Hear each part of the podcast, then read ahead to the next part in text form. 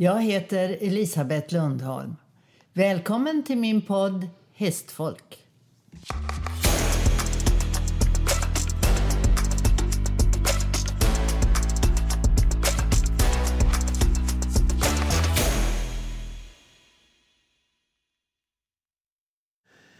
Välkomna till podden Hästfolk. Idag har jag glädjen att få prata med Agneta Aronsson.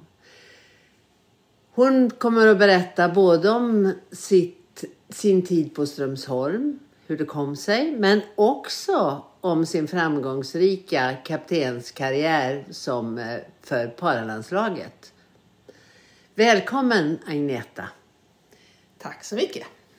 Hur började ditt intresse för den här eh, branschen, om vi nu ska kalla det det?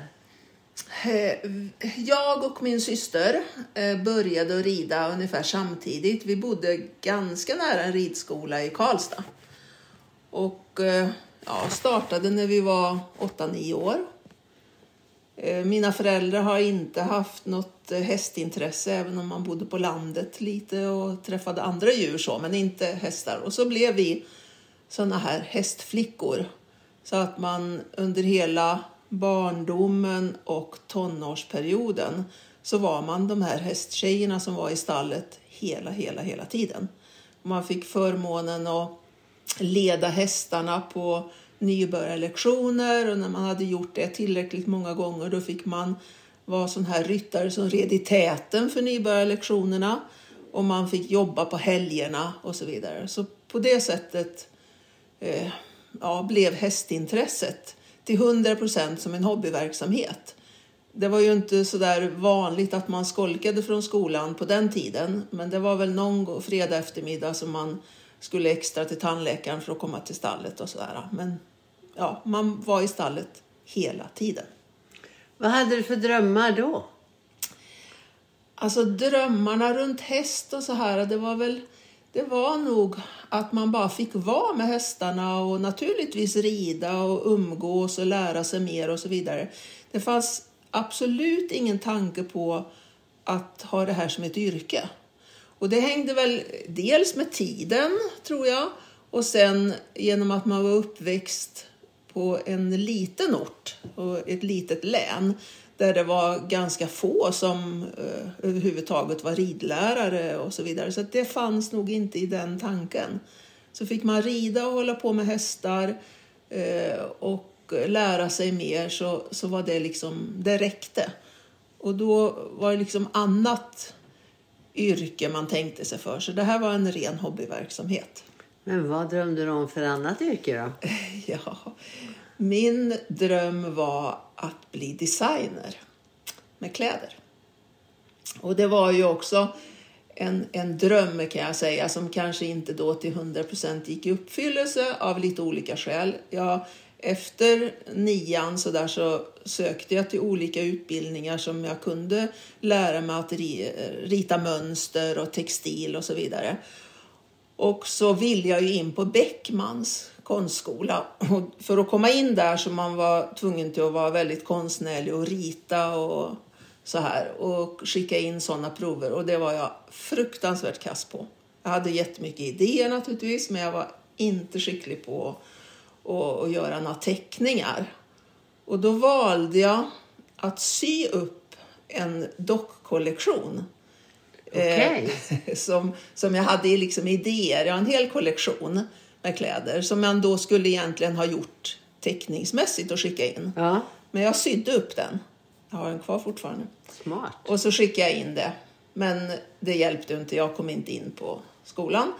Och då fanns en annan väg och då valde jag Tillskärakademin i Stockholm. Så jag flyttade upp dit och gick då en skräddarutbildning i Tillskärakademin. Och så blev jag kvar i Stockholm. Så det var liksom 70, 71 gick jag där. Men du blev kvar i Stockholm säger du. Du jobbade också? Ja, efter Tillskärakademin fick jag jobb. Mm. Först fick jag jobb hos en skräddare på Kungsholmen så vi sydde kläder till teatern på Östermalmstorg. Jaha. Så jag jag sydde kläder till Roffe Berg, skådespelaren. Ja, Alltså, hade hans, det var ju hans jobb. Men vi var där på, eh, på teatern ganska mycket. Och, så. och sen, senare så fick jag jobb på en eh, butik som hade design med eh, franska kläder. För jag tänkte jag måste ju gå den långa vägen på något sätt då. Så då jobbade jag med det under en period och lite annat så här, men hela tiden så kläder. Jag fick kontakt med en eh, butik i Stockholm på Norrlandsgatan som heter Gröna moln och blått gräs. Och jag sydde till dem kläder. Det var så roligt. Jag hittade nu när vi flyttade, eh, när vi blev evakuerade från vårt hus, så hittade jag ju alla de här sakerna och då var det ju tidningsurklipp från Dagens Nyheter på de här kläderna som jag hade sytt. Men det var någon annan som tecknade, för jag kunde fortfarande inte teckna. Och så, så jag sydde liksom jättemycket dygnet runt, förutom att jag jobbade då med de här kläd, kläderna i... Ja. Spännande! Har du fortsatt med det? Nej, nu på sin höjd lagar jag kläder. Lagar hästgrejer. Lagar hästgrejer. lagar hästtecken och sånt där. Och sen för att gå den långa vägen då så tänkte jag måste in på, på design på något sätt och då fick jag jobb på Hennes och Maurits inköpsavdelning. Och där blev jag kvar tills jag bestämde mig för att nu hoppar jag på ett vick som har med hästar och indirekt med hästar att göra. För under hela den här tiden när jag var i Stockholm så, så jag hade aldrig ägt en egen häst. Så jag red på ridskola på Mälarhöjden. Där hade vi stora möjligheter att få tävla på skolans hästar och jag hade lektioner och var med i, all, ja, styrelser och sånt där. Så fortfarande så var det ju hästen som hobby till 100 procent. Och så fick man sy på nätterna, typ. så där, så intressant. Mm. Och sen då? Hur blev det sen? Jo, men sen blev det så här att jag gick ju alla de här ungdomsledarkurserna och man träffade folk på, eh, ja, inom förbundet och ridfrämjandet. Så här. Och då blev jag erbjuden ett vikariat eh, efter Ulf Wilken. Som numera är din sambo? ja, vi kände inte varandra på det sättet då. Och då jobbade han som konsulent på Ridfrämjandet i Stockholm på Luntmakargatan där SRC också låg. Och så tänkte jag, ja, nu tar jag det här vicket. För Ulf skulle hit till Strömsholm och jobba som lärare för Bosse Tiblin hade slutat. Och då väntade man, det var 79-80, då väntade man ju på att Mette skulle ha den tjänsten när hon hade gått ut GH. Mette Rosenkrantz. Ja. Mm. Och hon skulle ju då eh, börja med det i, efter sommaren 80. Och under den här vakansen då så flyttade Ulf hit och tog det jobbet och så fick jag vicket på Stockholmsdistriktet som utbildningskonsulent. Och Ulf kom ju inte tillbaka till Stockholm. Han jobbade ju på förbundet och blev rikskonsulent och biträdande generalsekreterare var han väl under en period och så här. Så han blev ju kvar här på Strömsholm. Och jag fick behålla det där vicket då mm. på Ridfrämjandet. Och, och då kom jag ju in på att gå ridlärarutbildningen, bli erbjuden att följa med med pararyttarna till Norge och hela den där svängen. Och sen blev det liksom inte ja, designer något mer. Sen blev det hästtecken istället. Sen blev det hästtecken, ja precis. Vilket år är vi på då ungefär? Då är vi på 80. Alltså mm. det här fick jag 79 mm eh, på hösten. Och sen då så gick jag själv då liksom ridledarkursen och hela den vägen. Och då var ju jag förhållandevis lite äldre än flera av de andra. Idag går det ju många i den åldern men man var ju liksom inte tonåring när man gick då. Och så gick jag då utbildningen RK0, RK1 och sen långa kursen här på Strömsholm. Och när jag hade gått långa kursen då var jag med också ganska mycket på de här ridledarkurserna som distriktet hade. Så då blev jag ju ridledarutbildare och hade Stockholmsdistriktet, ibland tillsammans med Ann-Margret eh, Hermansen som hon hette då, Andersson, mm. och med Ulf. Och sen då när Ulf, då började ju gymnasiet här. Mm. Så då jobbade Ulf med gymnasiet. Men sen skulle ju han bli chef på skolan. Och då hoppade jag in som vikarie igen. för Ulf. Så det var liksom två gånger som jag... Och, och då började jag här 88 och jobba med gymnasiet. Så det var så, jag kanske ska säga det för de lyssnare som finns också att eh, eh, det var ju skilt då Ridfrämjandet och eh, SRC. Ja. Så att eh, det, det, sen slogs ju det ihop. 93 Precis. blev väl det ett förbund då. Just det. säga. Och, så att på den tiden var det två olika delar. Så kan man säga. Och Ridfrämjandet jobbar ju då med allt som hade med utbildning, eh, ridning som folksport och så Mm. vidare. Så under den här tiden som jag jobbade som konsulent där så det var ju Stockholmsdistriktet så var ju mest knuten då till Stockholm naturligtvis. Mm. Men då blev man ju involverad i i alla ungdomsledarutbildningar som jag har haft då hur många som helst och de var förlagda oftast här på Strömsholm. Så då vistades man ju mycket här.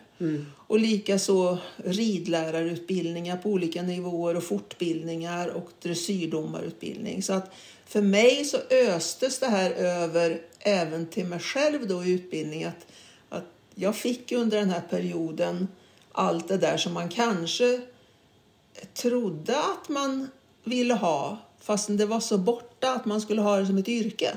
Men när det där dörrarna öppnade sig på något sätt så upptäckte man att nej, men alltså det här är ju det jag egentligen vill fastän jag kanske inte visste om det. För det erbjöds inte. Nej, det fanns inte tanken på att man kunde Nej. ha det som ett yrke på det sättet. Nej. Ja, spännande. Och den, din, eh, när du då började och helt plötsligt började ha de tankarna och se att jag kommer, att, jag kommer inte bara vikariera, jag kommer att jobba med det här. Vad, vad var det som drev dig då? Vad var det som entusiasmerade dig mest och inspirerade dig mest?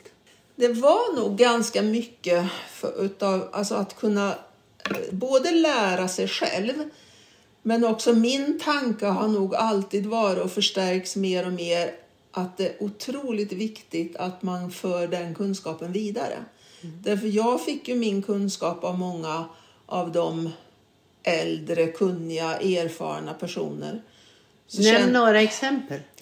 Ja, den första som fanns här var ju Hans Wikne naturligtvis som, som man fick väldigt mycket av. Och Bo Tiblin hade jag ju sen på långa kursen och de övriga lärare med Bo Ljungqvist här och Sten Nordenskjöld som fanns i faggorna och så vidare. Alla människor som fanns här runt omkring. Och på Ridfrämjandet så fanns ju Ulla Stålberg. Eh, och det var hon som också då kopplade in mig på para. Så att man fick, jag fick så många eh, infallsvinklar. Så när vi började domarkurserna under den här perioden så var det Marianne Ernmark i Stockholm och så här.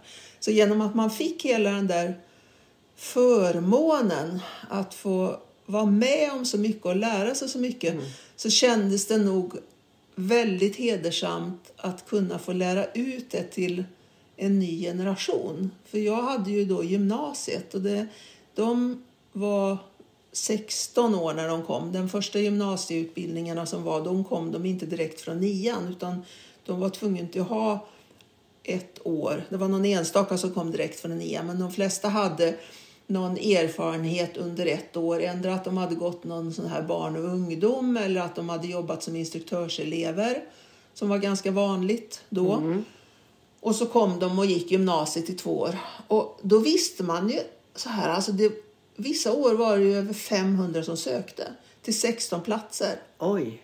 Och det var ju helt magiskt att kunna få de här som då hade skygglapparna på sig och bara ville lära, lära, lära, lära. Och det var ju helt fantastiskt. Ja. Och att då få göra det dessutom med hästarna. Och sen blev det nog mer sådär att ja, men hästarna var nästan viktigare. För de har ju aldrig fått välja. Och så känner man ju liksom fortfarande. Mm, så är det. Så det, var, det, det, det blev fantastiskt att, att både få jobba med hästarna och med eleverna. Och hästarna som då skulle lära eleverna. Och genom att jag då redan sen, och det här blir lite inblandat med para även om det senare var förbundskapten, så hade jag redan från 84 förmånen att få träffa på alla de här pararyttarna. Och det blev ju också så fantastiskt att se dels de här ryttarna, med alla problem och möjligheter som de hade ska jag säga. Och se hästarna, hur de fungerade, för då red man ju på lånade hästar. Och det till att sen då få jobba med de här eleverna som verkligen hade valt att, att bli hästtjejer eller killar, mest tjejer. Så det var väldigt fascinerande och är väldigt fascinerande ska jag säga. Fortfarande ja. Ja, absolut. Absolut. Men det låter som det var väldigt mycket att ta in i början. Du, kom in i någonting med massor med olika kunskaper och, Ja. och så. Det var det. Och då kan man nog backa tillbaka att jag hade väldigt mycket glädje av allt jag lärde mig som tonåring i Karlstad på ridskolan. Vi hade ju en ridlärare där, Lars Nikander. Han var inte militär, men han var ju en otrolig hästmänniska. Alltså oerhört hästmänniska. Sanslöst fyrkantig i det avseendet. Alltså hästar, hästar, hästar. Och hans fru. Och det där lärde mig ju så mycket runt omkring allting. Och, och, då, och sen även då träffa personer. Vi åkte hit till Strömsholm på eh, S, stora SM-tävlingar och alla de här tävlingarna som du själv känner till som var uppe i Hagfors och Brånarna och man åkte på allt sånt där. Och Färjestad, idag pratar man om Sundbyholm, ja men Färjestad travbana var precis som Sundbyholm. Och, så att man fick vara med om så mycket i en form av hobbyverksamhet.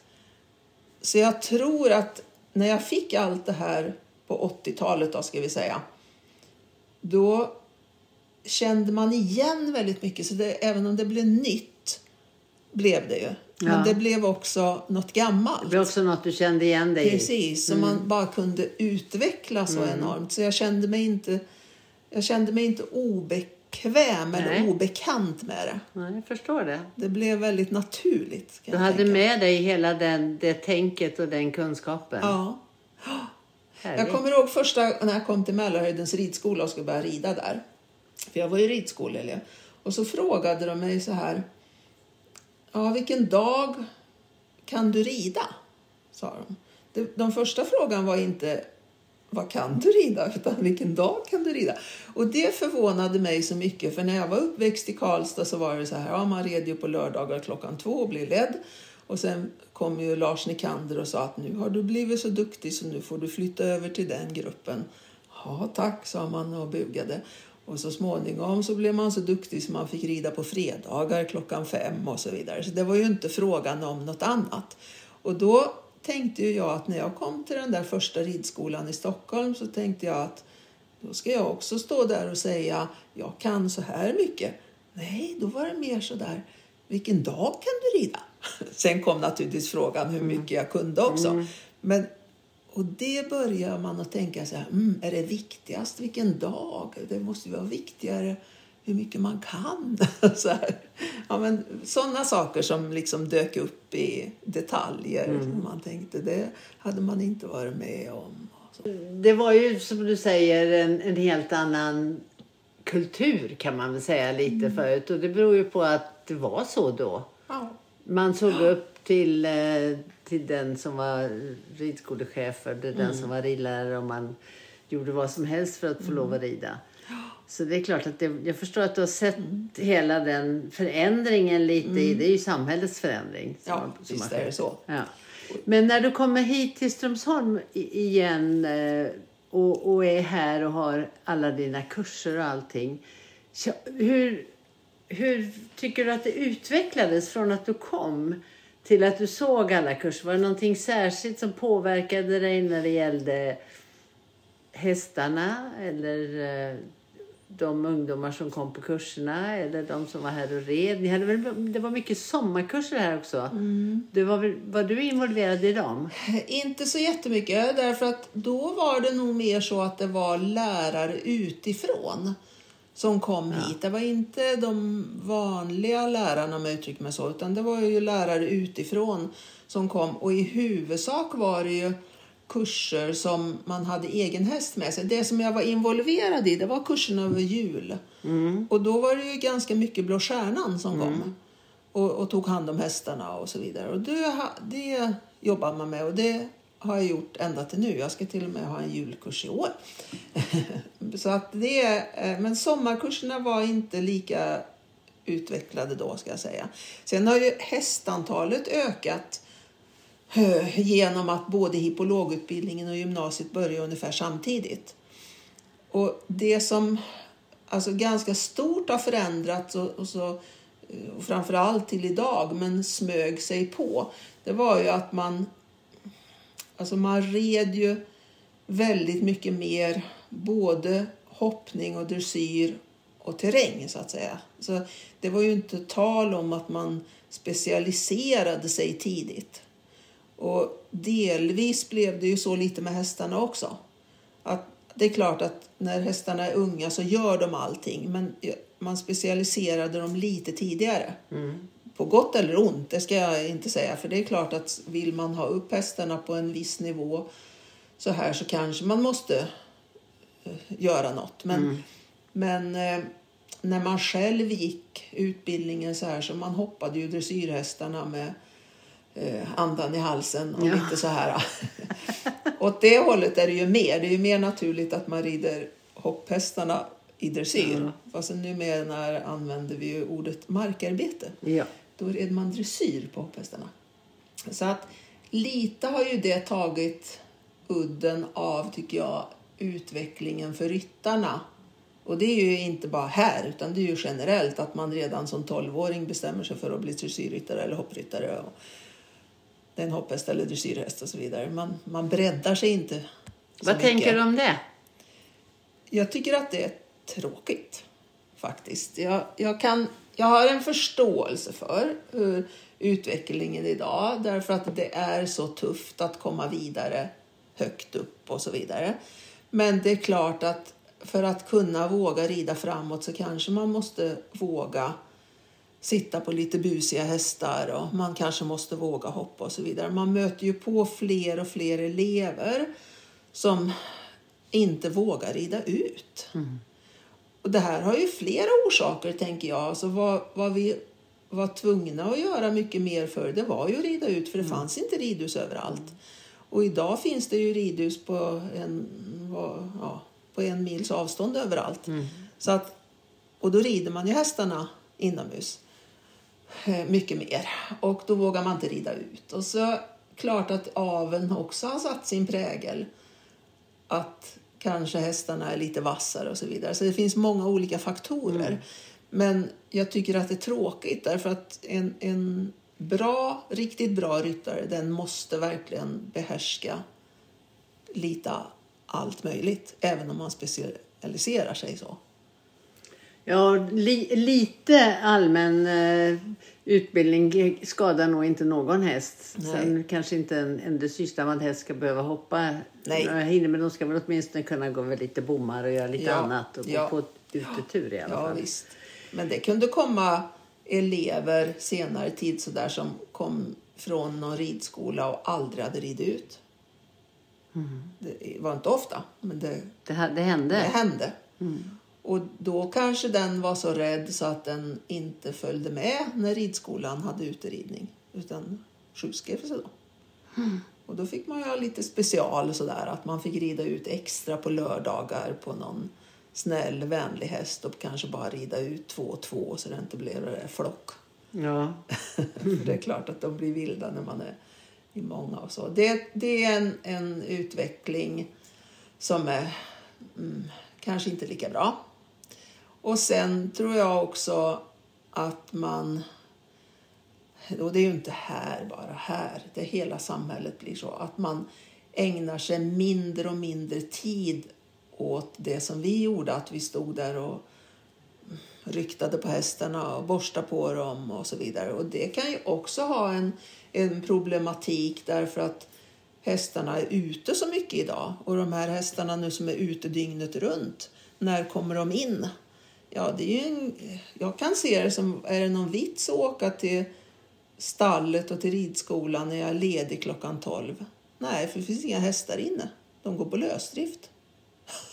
Det har jag tänkt mycket på så här. Ja. För man kommer till vissa ridskolor där ja, det, man tar in hästarna när man ska rida och sen släpps de ut igen när man har ridit. Mm. Och då får man ju inte heller den där naturliga bekantskapen med hästarna och naturligt lära sig beteenden. Och, Jag lär sig att läsa häst. ja, Därför att man inte umgås med dem Nej, så mycket. precis. Precis. Ja, det, är en, det är en aspekt som ja man tänkt säkert kan tänka mycket på. Mm, jag har tänkt på det eh, flera gånger faktiskt. Och då, det är klart hästarna ska vara ute. Det är inte frågan om det. Självklart, de måste vara ute. Och det har varit fantastiskt när man släpper ut ridskolehästarna i en flock för att de inte ska bråka in i, i ridhuset och så vidare. Men det har ju blivit mer och mer att de är ute liksom verkligen dygnet runt. Och då kanske bra för hästarna antagligen. Men det är inte bra för utvecklingen av kunskapen hos våra barn och ungdomar. Nej, vill man lära sig hur hästens beteende även inom, inne och innan och just att närma sig den och få en, få en relation. Nej, det är Intressant det du säger tycker jag. Ehm, om vi fortsätter. Du, nu har du varit här. Hur länge har du varit här? 88 började jag då. Ja. Så att det blev ett antal år. Och nu är jag ju då med ålderns rätt inte pensionär utan jag är, brukar kalla mig för jobbonär. Ja. Eh, åldersmässigt har man gått i pension men jag är inte pensionär. Men vad under din tid, nej, men under din, under din tid som hittills, eh, vad, vad tycker du att, vad är, har varit det mest, det roligaste, det mest lärorika, det mest entusiasmerande? Jag vet ju att du har en enorm passion för hästarna och, och för ridningen. Så att, men jag skulle gärna vilja veta, det måste vara någonting som du tänker med allra största glädje på. Vad är det? När du får göra?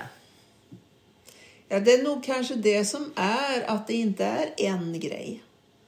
Jag tror, och det har jag sagt många gånger, att jag tror att jag är fascinerad av det här, både med människor och hästar, därför att man får träffa så många olika typer av ryttare och hästar. Jag kanske inte hade tyckt att det varit lika roligt att vara på en ridskola och, och ha en och samma hästgrupp, en och samma ridgrupp vecka ut och vecka in. Jag vet inte, men det är inte säkert.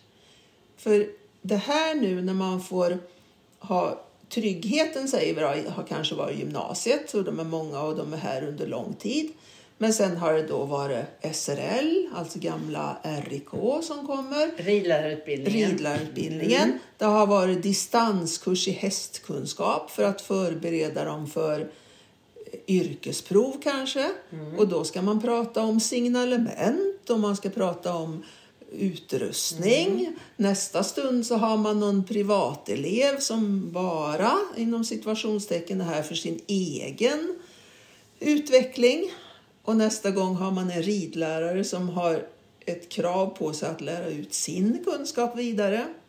Och så har vi pararyttarna.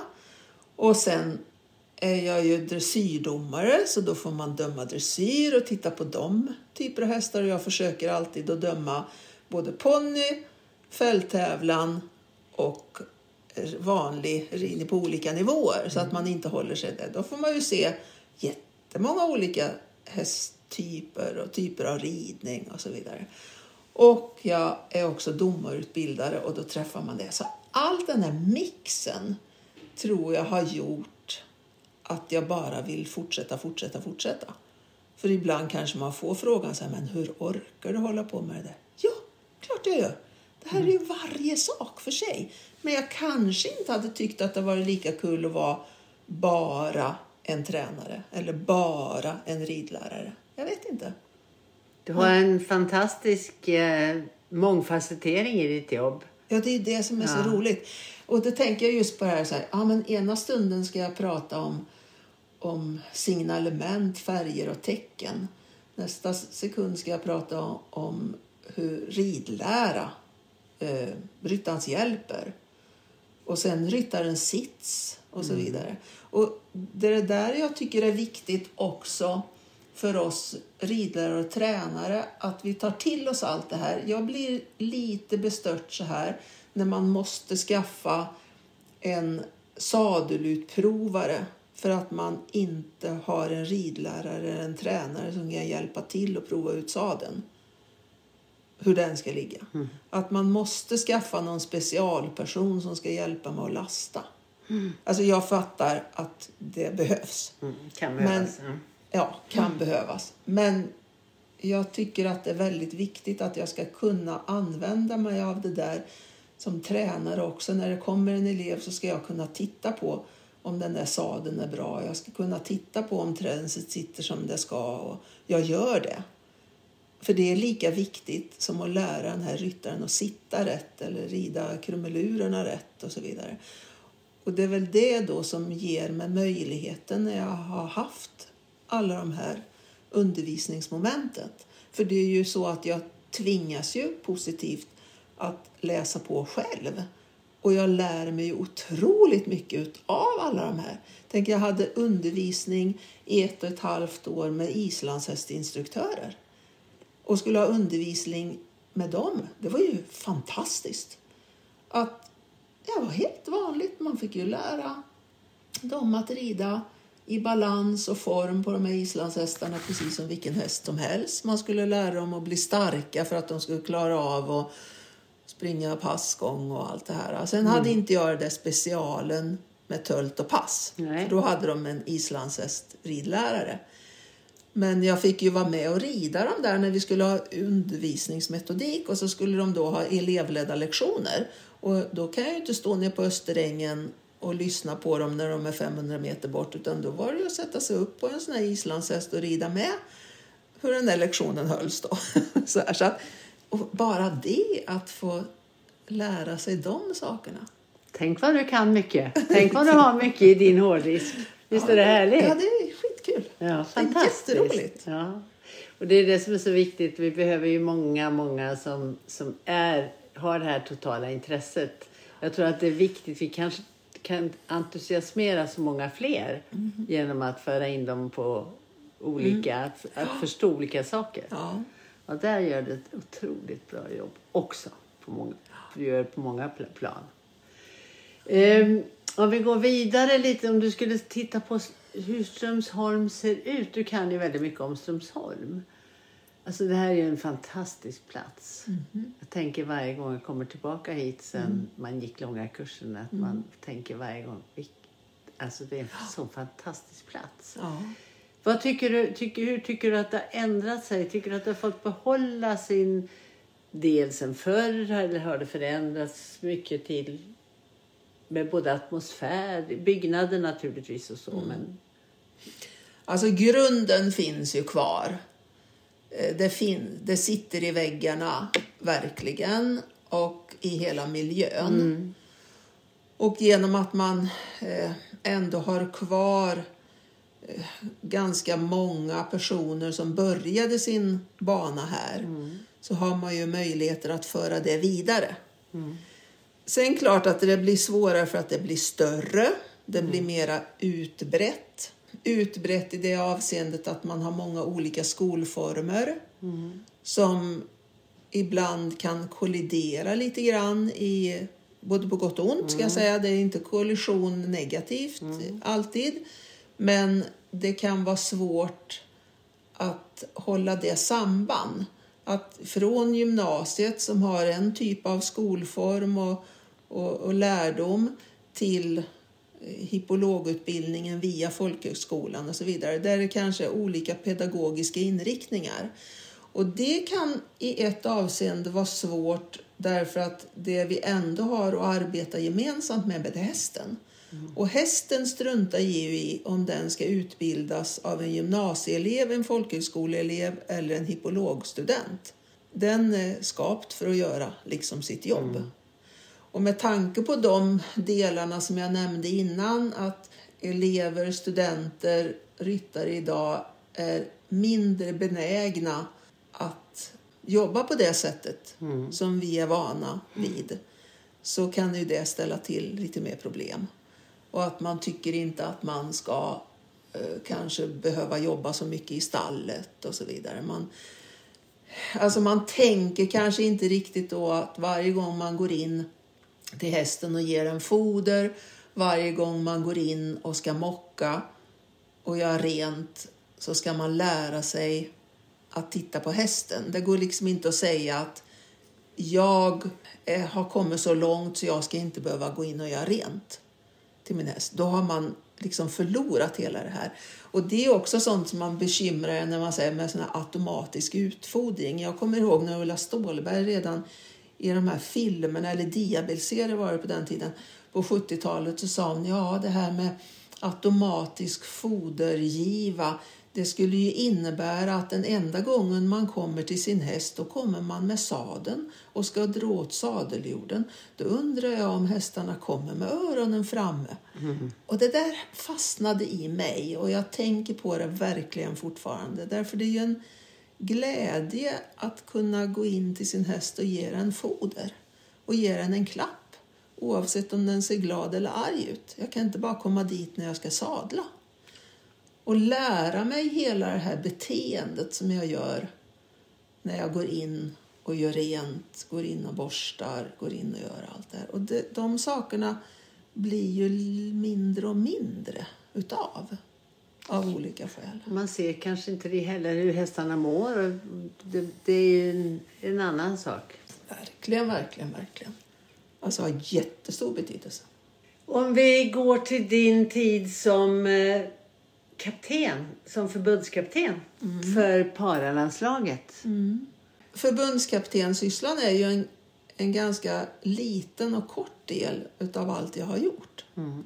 Med det, därför att det började ju jättemycket tidigare. Okay. Och då är vi tillbaka faktiskt till Ridfrämjandet. Se där. 1984. Ja, det nämnde du förut. Ja, ja precis. precis. Ja. Och då satt vi upp på Luntmakargatan och Ulla Stålberg jobbade ju då och hon ansvarade ganska mycket för para handikappridning som man sa på den tiden som terapiverksamhet. Mm. Och allt som hade med tävling att göra det gick under Handikappidrottsförbundet. Så det gick inte under SRC, Nej. alltså tävlingsförbundet. Nej. Utan, så Ulla Stålberg hon var ju liksom kaptenen för detta, både i terapeutisk del och, och, och tävlingsdel. Och då kom hon till mig en dag in på mitt kontor och så frågade hon, du, hon, skulle du vilja följa med upp till Norge på ett nordiskt mästerskap för para? Och jag sa bara, ja, det kan ju vara kul, sa jag. Fattade inte någonting alls.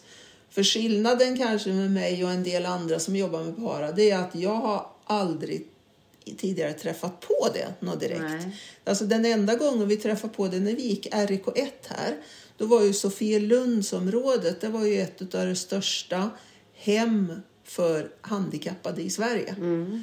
Och där var det Som många... ligger precis granne här till Strömsholm. Ja. ja. Och då var det ganska många vuxna autistiska personer där. Och de fick komma hit till Strömsholm så vi och satte upp dem på hästarna och vi ledde runt dem lite grann borta på åsen mm. och lite så här. Det var det enda jag hade faktiskt varit med om. Mm. På Karlstad ridskola fanns det en kvinna som hade MS. Men hon red som vanligt och så vidare. Hon gick lite annorlunda och så, men det var liksom inget annat man hade. Så jag hade aldrig träffat på det här. Men när hon frågade mig då så här, ja, sa jag, det verkar ju kul. Mm. Och sen började jag fundera på vad det innebar. Och då innebar det så här att det var ett nordiskt mästerskap som skulle gå upp i Lillehammer. Och då gick, skulle det vara en buss som gick från Stockholm och där hoppade det på ett antal pararyttare, säger vi då, som kom ifrån Ågesta ridskola som mm. red där, som skulle tävla. Mm. Man stannade i Västerås hos Roland Nilsson på ridskolan. Mm. Där hoppade det på ett antal. Mm. Man kom till Örebro, till Karlslund, där hoppade det på ett antal. Och så kom vi till Karlstad och då kom de som kom från Göteborg och Skåne. Så den där bussen var full då av ryttare som skulle, och medhjälpare som skulle rida ett nordiskt mästerskap. Och så var jag med där. Och det var ju folk som satt i rullstol, det var någon blind tjej, det var en som hade en arm, någon eh, hade eh, inga ben alls. Alltså det var... Och så fortfarande funderar jag på vad är min roll? Och min roll blev ju så här då, eftersom jag då hade gått instruktörsutbildningen och så vidare då, så, så tänkte jag, jag får nog stå på framridningen. För då började det med så här att man blev tillottad häst och så fick man prova den hästen. Och i min värld var det ju så här att ja, men de ska ju rida nordiskt mästerskap. Då måste de ju vara tillräckligt duktiga så att de rider den här hästen. Det ska ju inte behöva bytas häst. Då får de väl lära sig att rida den här hästen, mm. tänkte jag. Och det är klart, av säkerhetsmässiga skäl då så skulle man ju få byta. Men min inställning var att nu har du fått en häst, varsågod och rid. Mm. och då, då var det så här att en kille som heter Sven Holm som äh, var i princip ej muskler ifrån höfterna och ner. Mm. Han hade absolut inga, han vägde 34 kilo. Han blev tillåt, äh, tilldelad en stor, jättestor häst. Den var över 1,80 och den var äh, en tysk hannoveranare som var jättestark. Han satt ju som en liten fluga där uppe. Mm. Och det skulle ridas utomhus också. Så jag tänkte det här går liksom inte utan han får nog byta. Mm. Så, för han hade ju aldrig kunnat hålla i den här mm. hästen. Den var ju mm. stark som en oxe. Så han bytte. Men jag var kvar på framridningen hela tiden. Och då var det ju så här i min värld att jag hade ju lärt mig att undervisa ryttare som mer eller mindre alla funktioner. I alla fall med armar och ben och mm. ögon och så vidare.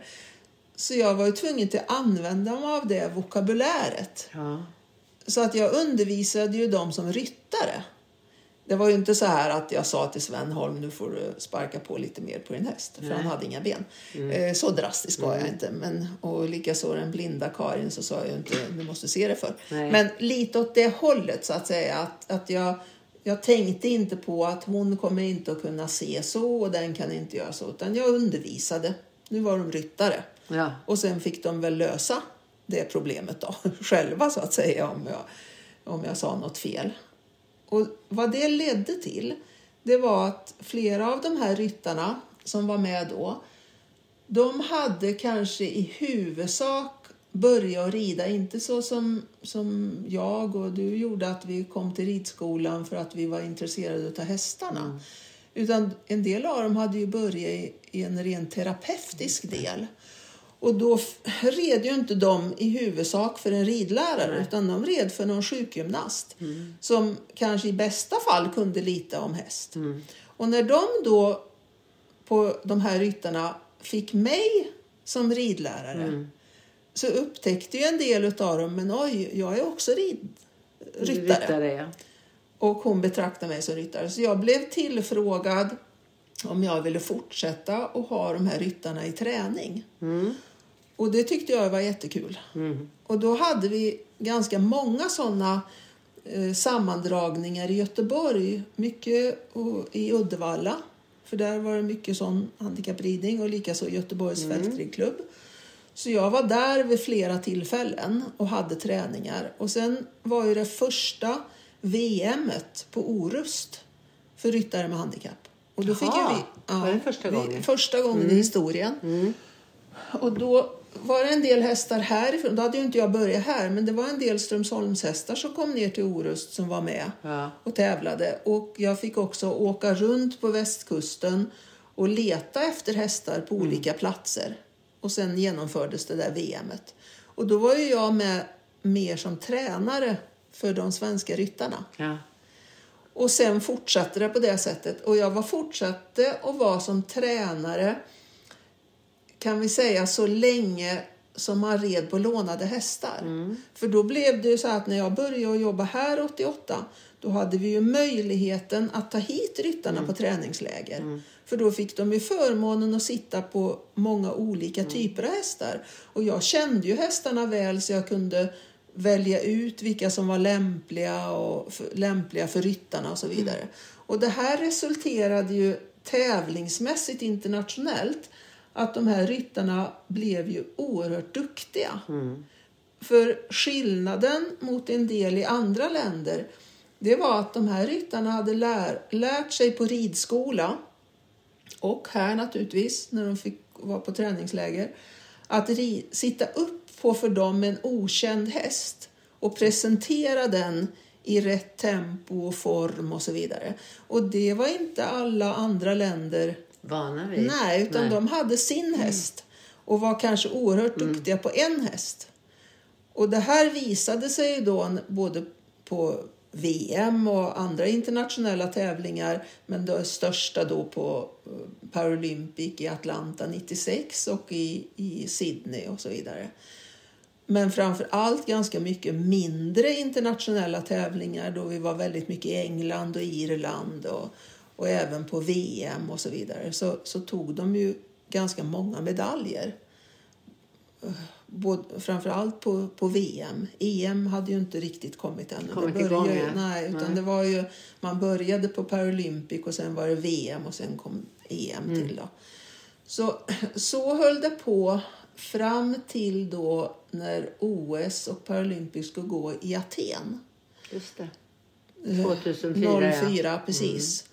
Och då fanns det ju inga hästar i Grekland. Jag tror Nej. det fanns fyra dressyrhästar och de skulle gå OS. Precis. Fanns liksom, Och då började ju diskussionerna här, hur ska vi bära oss åt? För i Atlanta så fanns det ju hästar och i Sydney fanns det hästar. Så Ja. de skrapade ihop ganska mycket hästar. Verkligen mycket olika typer av hästar ska jag säga i, i eh, Atlanta. Det är ju en egen historia. De visste ju inte riktigt vad de skulle ha för något. Så det var allt möjligt. Men i alla fall så skulle man då försöka få ihop hästar. Och då kommer diskussionerna om, ska vi få hästar från Holland och Tyskland, från utbildningsstallar och flyga ner till eh, Aten och Ja. ha dem. Eller ska vi gå in på att man ska rida sin egen häst? Och det är klart att alla de här andra länderna, det var ju mer vi här uppe i, i Norden som tyckte att det var bra att rida på lånade hästar. För att vi hade inte så många ryttare på egen häst. Nej, just det. Men det, självklart så blev det då naturligt att man skulle rida på sin egen häst. Och då var det ju en del av alltså kanadensarna till exempel, de åkte till Holland och Tyskland och var där i utbildningsstallar, hade mycket pengar. Så de kunde liksom plocka hästar ifrån det och kallades för egna hästar, för det var inte så att man behövde äga den. Nej. Men de kom till Aten med, Med med sin egen häst så att säga. Och det blev ju lite brytpunkten här i Sverige och för, även för Norge och till viss del Danmark också. Att vi hade i Sverige ganska få ryttare som hade egen häst som tävlade. För de flesta tävlade i så fall på vanliga tävlingar och ville inte se sig själv som handikappade. Nej, precis. Och vi förlorade en del av de duktiga ryttarna som inte hade tillgång till egen häst. Så det blev liksom en klyvning där. Men vi hade ändå turen att få ihop ett lag till Aten. Och eh, någon ryttare fick ju låna en fantastiskt fin häst av Sofia Möller som vi aldrig kommer att glömma. Och hon tränade upp henne på den här hästen. Men vi hade ju ingen aning om vilken nivå det skulle vara. Nej, det förstår jag. Det var inte så lätt. vi hade ingen aning Nej. om vad de skulle komma med. Det enda vi hade sett lite innan det var 94 på VM i Hartbury College i England. För då fick vi starta med både lånade och egna hästar. Mm. Och då hade jag en skol, nej, jag hade en egen häst som jag tävlade på. Eh, ja, den hade gått bra i Sankt Georg. Och så hade vi en pararyttare som hade tagit medalj i Atlanta. Och så hade vi en skolhäst härifrån Strömsholm som Mette hade utbildat. Den gick som skolhäst och den hade varit en gång på tävling i Surahammar. De här två hästarna satte vi i en varsin trailer. Och Ulf och jag åkte i en varsin lånad Volvo, lånad trailer. Åkte härifrån till Hartbury College. Oj, det är Mm. en bit. Jajamensan. Det var alla rondeller i... När man tittar så här på kartan så tänker jag ja det är så, så här många mil. Det var, ju- man körde två mil och så var det en rondell och så två mil rondell. Så det tog evigheter. Men i alla fall så gjorde vi det. Och min häst hade ju heller inte varit så himla långt. Och då var systemet så att vi kunde rida de här hästarna med två olika ryttare.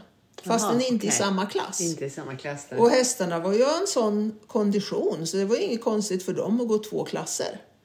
Så då hade vi fyra ryttare på de här två, Två hästarna. hästarna, ja. Och så hade vi fyra ryttare som hade lånat häst. Mm. Och då tog vi guldmedaljen på, lån, på egen häst med de här. Det var häftigt. Det var jättehäftigt. Och flera andra medaljer också. Hur många medaljer blev det totalt? Där på plats. Nej, jag tänker på totalt sett med dina VM och sen när du var som förbundskapten också på alla. Du var ju på hur många OS var du på? Det var Atlanta. Ja, Då tog vi en bronsmedalj och det var den enda ryttaren som fick liksom en europeiskt riden häst ska jag säga. ja, De andra var västernridna eller ja, lite så lite så. konstiga. Ja. I eh, Sydney tog vi ingen medalj, utan placeringar, det är ju bara medaljer. som. I Aten så tog vi ju två guldmedaljer med den här Sofia Möllers häst. precis fina. Ja, Det var ju helt fantastiskt och det är ingen som har slagit hennes resultat ännu Nej. för hon red på över 80 procent. Ingen kommer- svensk som har gjort det. Nu börjar de ju komma upp på det. Så, och sen hade vi i eh, Hongkong, tog vi heller ingen medalj. Och då hade vi heller egentligen inget lag för då började det att bli så här att man, man kvalade som lag. Så här. Och vi var då på någon plats så vi skulle kunna i princip komma med som lag. Det här var likadant i, i London och i Rio. Men eftersom både OS och Paralympic måste ha med alla världsdelar så var ju de bakom oss. Alltså som typ Asien och. Mm. ja, alla de speciella länderna. De var ju egentligen bakom oss. Men eftersom alla världsdelar skulle ha Skulle plats ha så klev de in framför oss. Mm. Och då kunde vi inte få med ett lag. Och då var reglerna på ett annat, de har ändrat reglerna för varenda år. Mm. Och i Hongkong då så var Sydafrika som lämnade ifrån sig en plats i grad 3. Och då fick vi med en ryttare i grad 3 så vi kunde ändå rida ett lag. Men klassningen var på ett annat sätt och så Mm. vidare. Och hästarna skulle gå i, i eh, neonljus, de var ju helt Ja, stolliga. Men så ingen medalj. Och sen blev det då London och då var det precis likadant att vi fick med en ryttare. Mm. Och sen var det då Rio och då fick vi också egentligen med en ryttare bara, Louise. Men genom att det Louise var bojkott, ja. ja, genom att bojkotten från Ryssland började redan då Mm. så fick vi en plats till som Anita Jonsson fick. Just så i det. sista sekunden så fick, vi, fick hon åka med. Och då tog ju Louise medalj i Rio. Precis. Som nu har regelverket ändrats igen. Så att nu har ju till Paris då har man fått. Ja, sen kom ju Tokyo emellan. Ja. Och då var det likadant. Att det var då två ryttare som fick åka därför att de övriga världsdelarna kom före. Mm. Och då tog ju Louise medalj. Sen har vi ju då under de här, när vi inte har tagit medalj så har de ju fått placeringar. Men det är ju sånt där som andra sporter tycker är jättekonstigt. När vi Mm. säger "Ah, jag är jätteglad jag fick en placering och så får man fick en rosett. Men i såna här stora sammanhang så är det ju bara medaljer som räknas. Mm, precis. slut. Men sen har det innan dess har det ju varit då medaljer på lånad häst i Wilhelmsborg och, Mm. och så vidare. Då. Har du räknat hur många det var? Nej, Nej, det har varit väldigt många. Det är härligt att höra. Det, det, du har så många strängar på din lyra. Du har så mycket erfarenhet av så många saker. Om du inte hade gjort det här så hade du fortsatt som om du hade tröttnat helt plötsligt. Hade du fortsatt som designer då? Eller vad hade du gjort då? Om möjligheten hade getts, tror jag. Men det var en sak som var ganska intressant då när jag jobbade på Hennes Mauritz. För det, där fanns ju chansen eftersom det omsatte så många människor. Men under tiden jag jobbade där på inköpsavdelningen så, så såg för då tänkte jag inköpare kan ju vara kul. Men då var, det kanske är fortfarande, då var det ett upplägg så här att du hade en inköpare till exempel på tröjor som ut inte fick kosta mer än 50 spänn. Ja, det var ju andra summor då. Och så hade du någon inköpare som köpte underkläder och då skulle det vara det och det priset. Sen hade du en inköpare som hade högre pris och bla bla och, så, vidare. Så, ja. Och då kommer jag ihåg en egentligen alldeles förskräcklig story. Och då var det en flicka som hade varit då i Hongkong eller något annat land, så här, och, för det var ju dit de åkte, och, och Kina. Och köpt då trosor just så här. Som då skulle kosta 39 kronor ut eller vad det var. Och hon hade gjort ett felinköp. För tanken var att det var tre trosor i paketet. Men hon hade köpt det i tron på det. Men det var en trosa. Och köpa en trosa för 40 spänn. Det, det, Det var jättedyrt. Ja. Och få tre trosor för 40 kronor. Och hon blev av med jobbet. Oj. Ja. Och då tänkte jag, nej, det här vill jag inte. Tänk om jag gör fel. så, här, så det är en sån här tanke man hade kvar. Men absolut, jag tror att jag hade fortsatt att jobba en hel del med kläder. För jag hade ju den andra delen, även om jag inte kunde teckna så hade jag ju mycket idéer. Ja. Och jag sydde ju otroligt mycket åt andra människor, jättemycket. Och jag har ju kvar mina egna kläder som jag sydde åt mig själv och åt den här butiken och så vidare.